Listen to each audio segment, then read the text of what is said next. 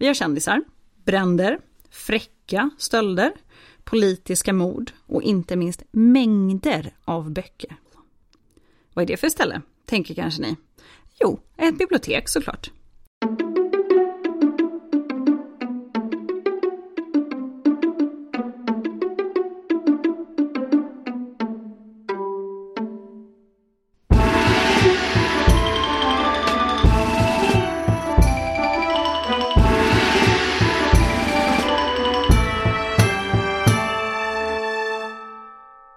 Hej och välkomna till Podius Castus, en podd om antiken.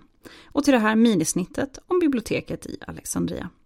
I lurarna så har ni den här gången mig, Hanna.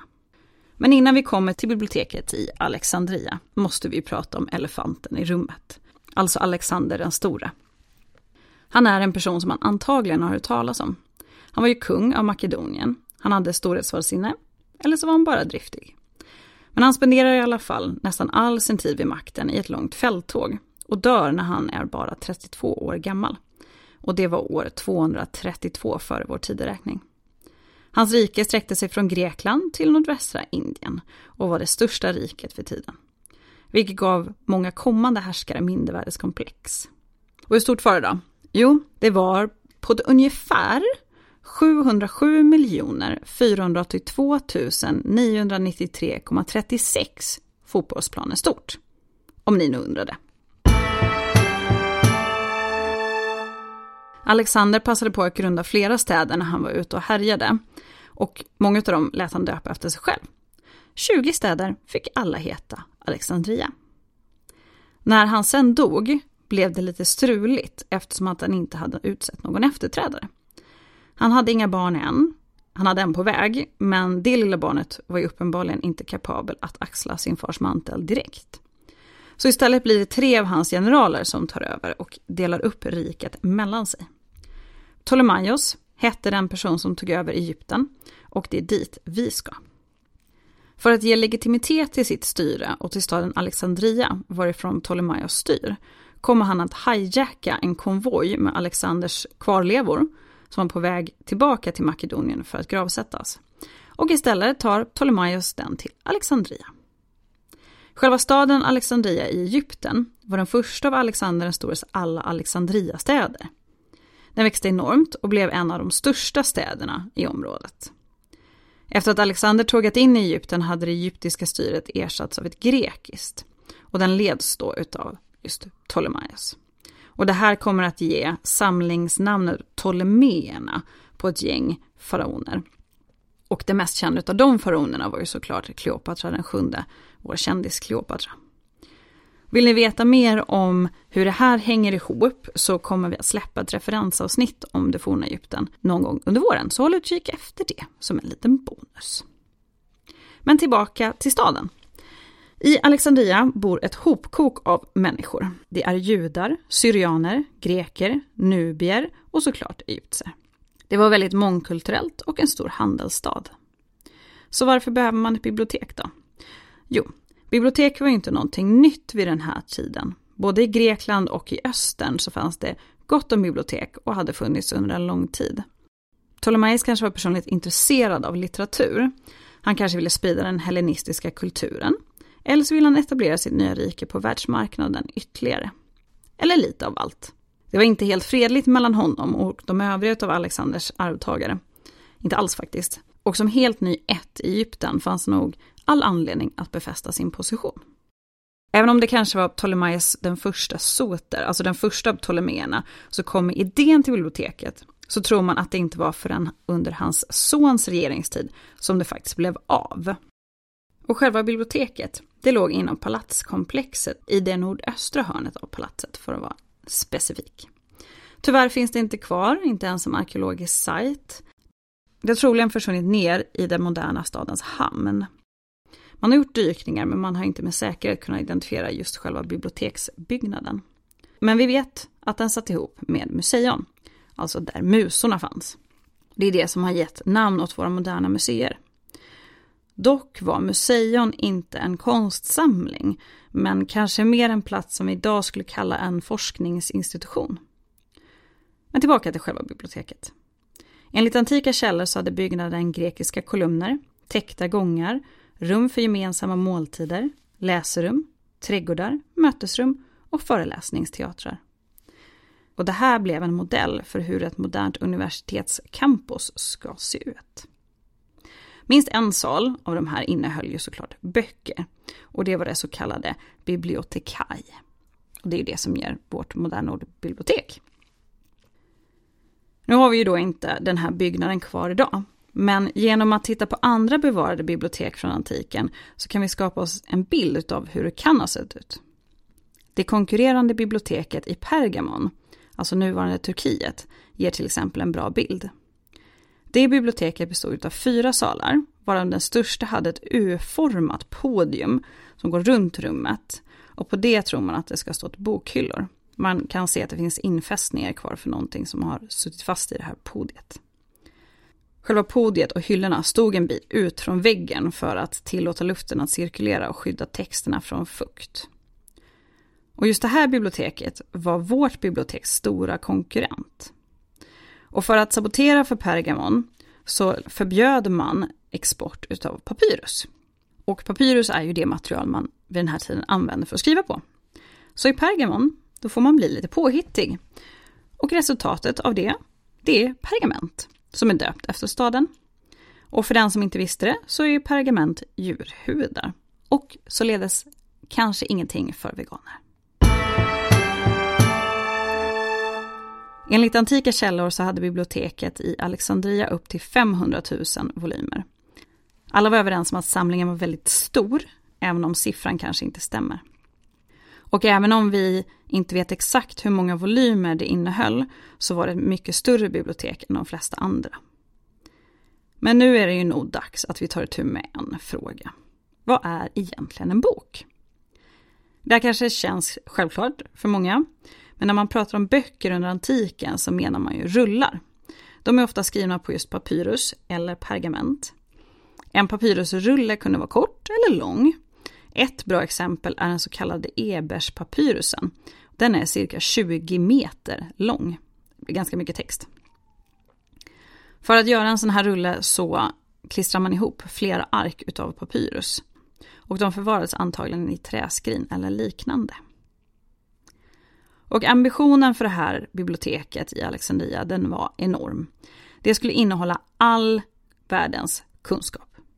Man ville ha en kopia av allt, den bästa och den finaste. Och helst den äldsta. Man resonerar nämligen så att den äldsta kopian av en text som man kunde hitta, det var också den som var mest korrekt. Just för att den inte blivit avskriven så många gånger. Och för att samla in alla de här texterna så skickades kungliga agenter ut i den kända världen för att köpa på sig verk. Till exempel till Aten, som var en stor kulturell stad. En antik författare, Galenos, en grekisk medicinare, skrev att Ptolemaios den andre utfärdar ett edikt som bestämmer att alla skepp som kommer till Alexandrias hamn ska överlämna alla sina texter. Och de här texterna, de kopieras sen. Och kopian lämnas tillbaka. Det var schysst. Och enligt samma författare alltså så ville Ptolemaios den tredje, alltså nästföljande farao, låna Atens originalexemplar av eh, författarna Aisklos, Sofokles och Euripides. Och Aten var inte supersugen på det här. De sa nej ganska många gånger. Så Ptolemaios den tredje erbjuder dem en väldigt stor summa som garanti. Det ska ha varit uppemot 450 kilo ädelmetall. Till slut så går Aten med på det här. Man tänker att med så mycket pengar som garanti måste de ju lämna tillbaka böckerna. Så man skickar över texterna till Alexandria. När de väl kommer dit, vad tror ni man gör? Man behåller dem såklart. Men man var ju snäll nog att skicka tillbaka några fina kopior av texterna. Men man samlar inte bara in gamla verk, utan man bjuder också in lärda till biblioteket. Och ju mer biblioteket växer, desto mer folk drar det till sig. Och de här personerna, dåtidens akademiker, producerar ju såklart nya verk som hamnar i samlingen. Och det finns det som tyder på att de akademiker som blev inbjudna, de fick även logi och mat ordnad. Men de förväntas i alla fall hålla lite föreläsningar.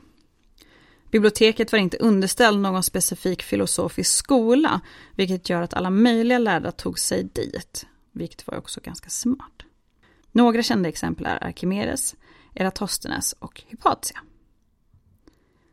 Men allt det här måste ju organiseras på något sätt, eller hur? I våra moderna bibliotek har vi ett system som de flesta säkert känner igen, även om vi kanske inte riktigt förstår det. Till exempel hittar man ju skönlitteratur för vuxna under HCE, medan böcker om okultism och massmedia finns under B. Men i Alexandria vet vi inte exakt hur man sorterar in sina skrifter, men troligen också efter ämne, om än inte med samma bokstavssystem som vi har idag. Och allt det här måste ju skötas av någon. Och äntligen så har vi kommit till bibliotekarien. Många personer måste ju ha varit involverade i både grundandet och skötseln av själva biblioteket. Till exempel faraon. Men en person, som vi kanske kan kalla för chefsbibliotekarien, är den som vi ska fokusera på just nu. Vi vet inte exakt vad den här rollen innebar, men han var en sorts extra akademisk akademiker. Nu är ju det här begreppet akademiker ett modernt begrepp och det har ju vissa konnotationer. Men han, för det verkar ha varit en han, kunde till exempel vara poet. Att vara poet var absolut att tillhöra gruppen av de lärda under antiken. De skulle också vara lärare åt faraos son eller söner. Och den första chefsbibliotekarien var Synodotos från Efesos. Och han ska bland annat ha strukturerat upp biblioteket. Och han ska ha gjort det efter just ämne. Men först och främst om det var på vers eller prosa.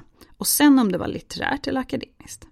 Inom varje kategori ska han sedan ha sorterat böckerna alfabetiskt efter första bokstaven i författarens namn. Och det här gör att han ska vara den första som vi vet om som sorterade just alfabetiskt. Dock var det bara efter första bokstaven. Vi är ju vana vid att man inom en bokstav också sorterar alfabetiskt. Typ AA, sen AB, sen AC och så vidare. Men det gör man inte här utan det kommer först senare. Man gav också varje sån här bokrulle en liten etikett med författarens namn och annan information. Men ofta ingen titel eftersom att en rulle kunde innehålla flera texter. Och det här ska vara det första kända användandet av metadata. En annan person vi bör nämna är Kalimakos från Kyrene. Han var ju inte chefsbibliotekarie i Alexandria, men han bidrog med någonting väldigt viktigt, nämligen den första bibliotekskatalogen. Pinakes hette den här katalogen och den bestod av 120 böcker som listade all litteratur i biblioteket. Och tyvärr finns den inte kvar idag. Den var uppdelad per kategori och ett typiskt inlägg började med verkets titel, sen författarens namn, författarens faders namn, olika läromästare den här författaren hade haft, akademisk bakgrund. Den innehöll en kort biografi över författaren och en lista av dennes verk. Den hade också med första meningen av verket och en summering av innehållet, information om själva rullen och hur den hade förvärvats och om det fanns någon information om eventuella tveksamheter i hur korrekt texten var i förhållande till sitt original. Och det här är den första kända litteraturvetenskapliga texten, alltså en text om en text. Det här var ju inte det enda litteraturvetenskapliga som skedde i biblioteket. Många av de här lärda som kom till biblioteket i Alexandria studerade just texter. Till exempel var ju Homeros, den stora författaren, det som alla skulle läsa. Och där studerar man då om det var rätt text eller om någonting har blivit fel i alla de här avskrifterna som har gjorts. Man försökte helt enkelt komma åt det som var så att säga originalet. Det här var ju något som folk gjorde sig lustiga över. Och de här besatta akademikerna som satt i ett hörn och mumlade om det var rätt ord eller inte. Typiska nördar redan då. Men det var faktiskt inte bara grekiska texter man ville ha. Man översätter till exempel egyptiska texter till grekiska. Så syftet med biblioteket var inte bara att grekifiera Egypten, utan det var just att samla all kunskap. Och Alexandria blev jämförbart med Aten i sin guldålder. Det drog alltså till sig kulturell och intellektuell elit. Det här var helt enkelt stället du skulle vara på om du hade några som helst akademiska ambitioner. Och hur var det med faraonerna själva då? Jo, många av dem var faktiskt akademiskt intresserade. Det var ju antagligen en bidragande faktor till att biblioteket och museon fick så mycket resurser. Till exempel skrev den fjärde Ptolemaios pjäser. Ptolemaios den andre var intresserad av zoologi och Kleopatra den sjunde, den kända Kleopatra, hon gick och deltog på föreläsningarna i biblioteket. Det gjorde ju även de andra faraonerna, men Kleopatra var den första utav Ptoleméerna som lärde sig egyptiska. Men allt gott kommer ju till ett slut någon gång. Och jag har ju utlovat politiska mord och bränder. Och nu kommer vi ju till det. Länge har det funnits en allmän uppfattning om att Caesar ska ha bränt ner biblioteket. Men det stämmer nog inte. Men ingen rök utan eld kanske du säger. Och det stämmer. Det fanns faktiskt en eld. Caesar befann sig mitt i en liten knipa i Alexandria år 48 före vår tideräkning. Och då försöker han slå sig ut ur hamnen genom att sätta eld på några egyptiska fartyg. Och den här branden den spred sig och delar av biblioteket ska ha förstörts i denna brand, men inte hela. Det ska nog också sägas att biblioteket ska tolkas som flera byggnader. Det ska ha funnits dotterbibliotek och det kan ha varit ett av de här som förstördes under branden. Men nästa grupp som har fått skulden för att ha förstört biblioteket var de kristna. Och nu har vi kommit ganska långt fram i historien och vi rör oss under 300-talet efter vår tideräkning. Och när kristendomen dominerar i den då romerska provinsen Egypten, det har ju hunnit bli en romersk provins, så råder många maktstrider. Och sen kommer det ju även beslut om att alla hedniska tempel ska förstöras. Och eventuellt kan delar av biblioteket ha förstörts just vid den här tidpunkten. Det man vet med säkerhet som händer under den här perioden, det är att en av de mest framstående akademikerna under just den här tiden mördas. Och hon mördas brutalt av en kristen mobb. Och det var Hypatia. Och det är mycket som spelar in i just det här, i den här händelsen. Inte minst att hon var just hedning, men också såklart att hon var kvinna. En av dem som ofta ska ha lyssnat på hennes föreläsningar var en kristen biskop. Och detta ska ha gjort patriarken Kyrillos, som då styrde över Alexandria, mycket, mycket upprörd. Och han beskylls då för att ha hetsat fram detta mord. Och det kan ju då tilläggas att Kyrillos han blev ett katolskt helgon senare. Kul för honom. Hypatia har inte blivit ett helgon, kan ju tilläggas. Men vi kommer ha anledning att komma tillbaka till Patsy vid ett annat tillfälle för hon är superintressant. Men biblioteket och själva museum ska klara sig genom även det här. Och cirka 200 år senare så invaderas Egypten av muslimerna. Och då ska man ha resonerat så att antingen är en text Koranen, och då har man den redan. Eller så är den inte Koranen, och då behöver man den inte. Men mest sannolikt är nog ändå att biblioteket bara föll ur tiden. Böckerna i sig klarar sig ju inte hur länge som helst. De behöver kopieras och kopieras och kopieras. En 200 år gammal papyrusrulle ansågs vara extremt och vi pratar ju om en period på många hundra år. Och när det då dessutom sker ganska stora skiften i både maktstrukturen och i religionen och då även i syn på kunskap, ja, då kanske det helt enkelt bara inte är lika poppis längre. Så att det mest troliga är inte att det här fantastiska biblioteket försvann i en stor eldsvåda eller tömdes av arga fanatiska kristna eller brändes av muslimer. Utan troligen är att många olika händelser under väldigt lång tid gjorde att det helt enkelt inte stod sig. Och det, mina vänner, var en kort introduktion till biblioteket i Alexandria. Det här är Podius Castus och ni har lyssnat på mig, Hanna. Vill ni komma i kontakt med oss så finns vi på Instagram, Facebook och vi kan nås på podiuscastus.gmail.com. Tack för idag och på återhörande.